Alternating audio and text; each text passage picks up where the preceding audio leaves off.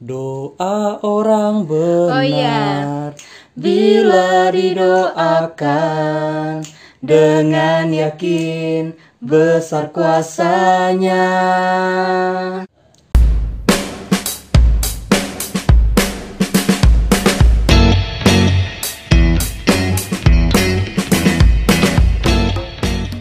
Shalom, selamat pagi, siang, sore, dan malam. Semangat pagi. Mau pagi, siang, sore, atau bahkan malam sekalipun, tapi kita harus tetap semangat seperti di pagi hari. Ya, betul sekali. Kembali lagi di podcast PPGT Jemaat Dadi bersama saya Anto. Dan saya Elin. Di episode yang ketiga ini kita akan membahas tentang doa. Ya Elin, ngomong-ngomong tentang doa, apa sih itu doa dan kenapa kita harus berdoa? Ya, doa. Doa itu bentuk komunikasi kita dengan Tuhan. Eh, ketika kita merasa senang, pasti kita akan datang kepada Tuhan, kita mengucap syukur. Begitupun juga kita eh, ketika kita sedih, pasti kita juga akan datang ke Tuhan. Ya, dan terus tadi pertanyaan kedua, kenapa kita harus berdoa? Ya betul. Ya, karena dengan berdoa itu kita akan selalu merasa dekat dengan Tuhan dan semakin kita dekat dengan Tuhan, semakin Tuhan pun juga pasti akan mengerti apa yang kita mau. Ya, betul itu sekali. saya. Ya. Nah, selain itu Elin, ternyata doa juga merupakan nafas hidup orang percaya, di mana lewat doa kita mengucap syukur dan meminta kepada Iya, Tuhan. Iya, dan di masa-masa seperti ini eh, kan kita memang banyak menghabiskan waktu di rumah. Nah, sebelum ini mungkin kita terlalu sibuk sampai-sampai kita lupa melibatkan Tuhan dalam kehidupan kita. Nah, dan ini saatnya ini saat eh, yang tepat untuk kita kembali beriman dengan Tuhan Yesus. Kita mempercayai setiap kata yang Ia berikan dalam kehidupan kita. Let's believe every word that Jesus speaks in our life. Dalam Matius 7 ayat 7, dia mengatakan, Mintalah maka akan diberikan kepadamu, carilah maka kamu akan mendapat, ketoklah maka pintu akan dibukakan bagimu. Ya, dan ternyata dalam ayat ini menjelaskan bahwa orang yang berdoa pasti berusaha karena dengan doa kita beriman dan setelah itu kita praktekkan apa yang kita imani karena iman tanpa perbuatan pada hakikatnya adalah mati. Itu teman-teman bisa buka di kitab Yakobus pada pasal yang kedua. Orang yang meminta pasti siap untuk mencari dan berusaha. Nah, iya betul sekali. Jadi antara doa dan usaha itu harus balance ya. Tidak boleh ada salah satunya yang dilebih-lebihkan. Ya, tapi terkadang hmm, ada segelintir orang yang pesimis sebelum mereka memulai sesuatu.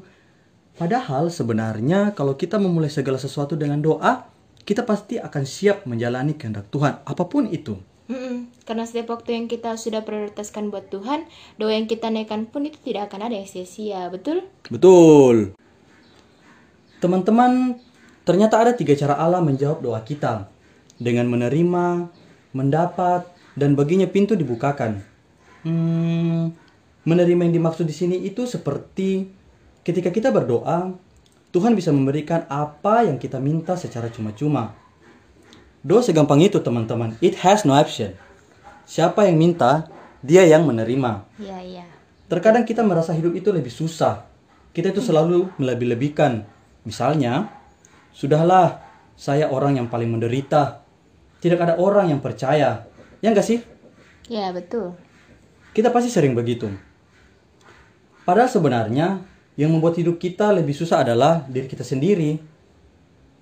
Misalnya, kita mau masuk dalam sebuah istana nih, tapi pagarnya menjulang sangat tinggi. Dan kita memanjat ke pagar itu dengan sekuat tenaga, dengan susah payahnya untuk bisa masuk ke istana. Ibaratnya nih, kita sampai berdarah-darah memanjat pagar itu.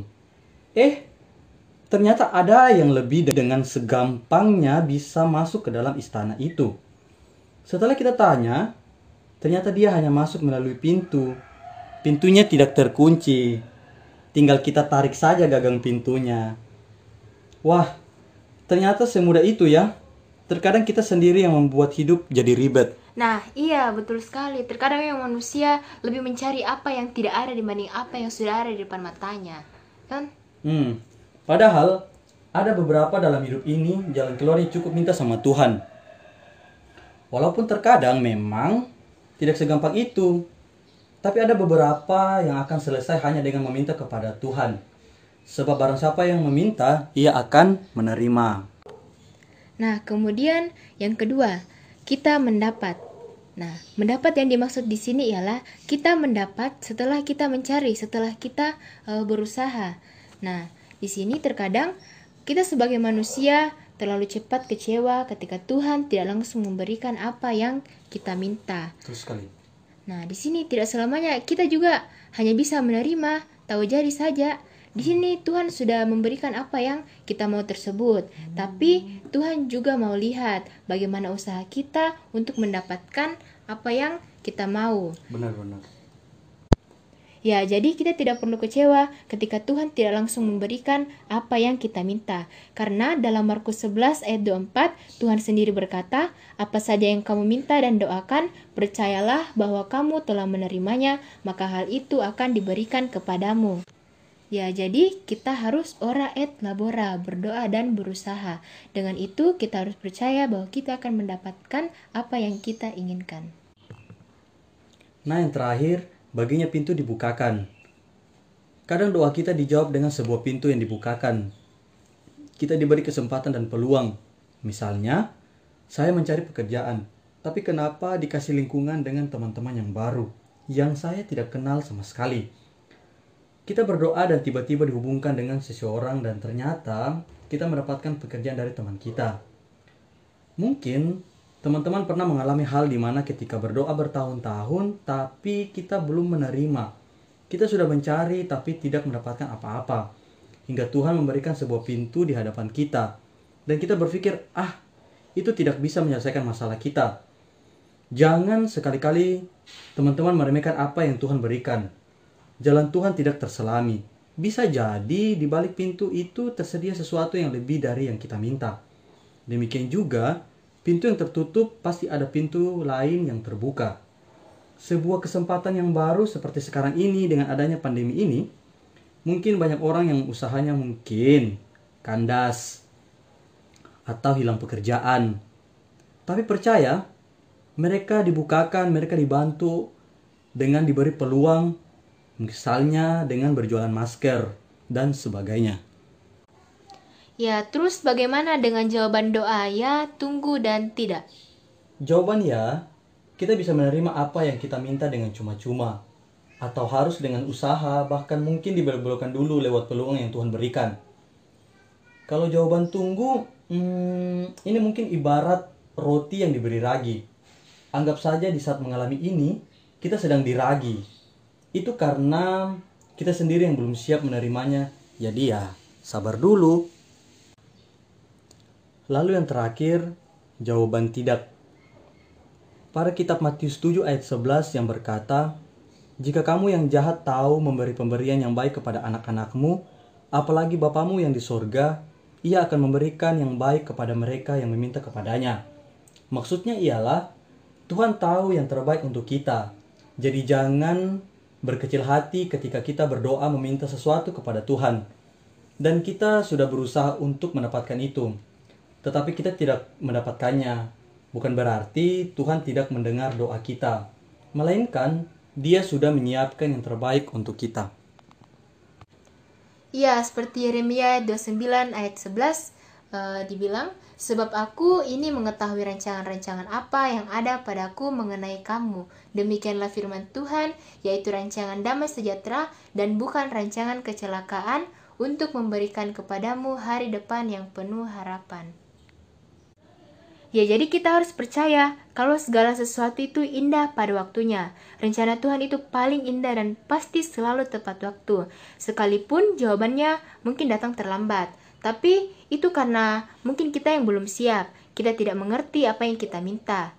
Itu karena kita hanya bisa melihat di masa yang sekarang ini, tapi Tuhan dapat melihat dari segala hal. Dan jika doa kita dikabulkan, ya puji Tuhan. Namun jika tidak dikabulkan, kita harus tetap percaya kalau Tuhan itu punya kehendak lain dan itu pasti akan lebih baik dari apa yang kita inginkan.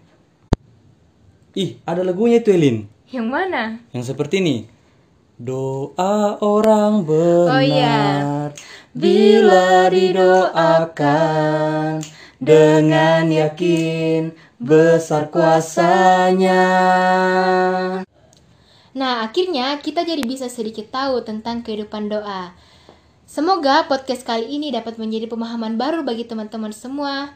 Nah, teman-teman, terus ikuti podcast bersama PPGT Jemaat Dari ya, karena minggu depan kita akan kembali dengan topik yang lebih seru pastinya. So, stay safe Stay healthy. and stay at home. Tuhan, Tuhan Yesus memberkati. Shalom, semangat pagi. Dadah. Dadah.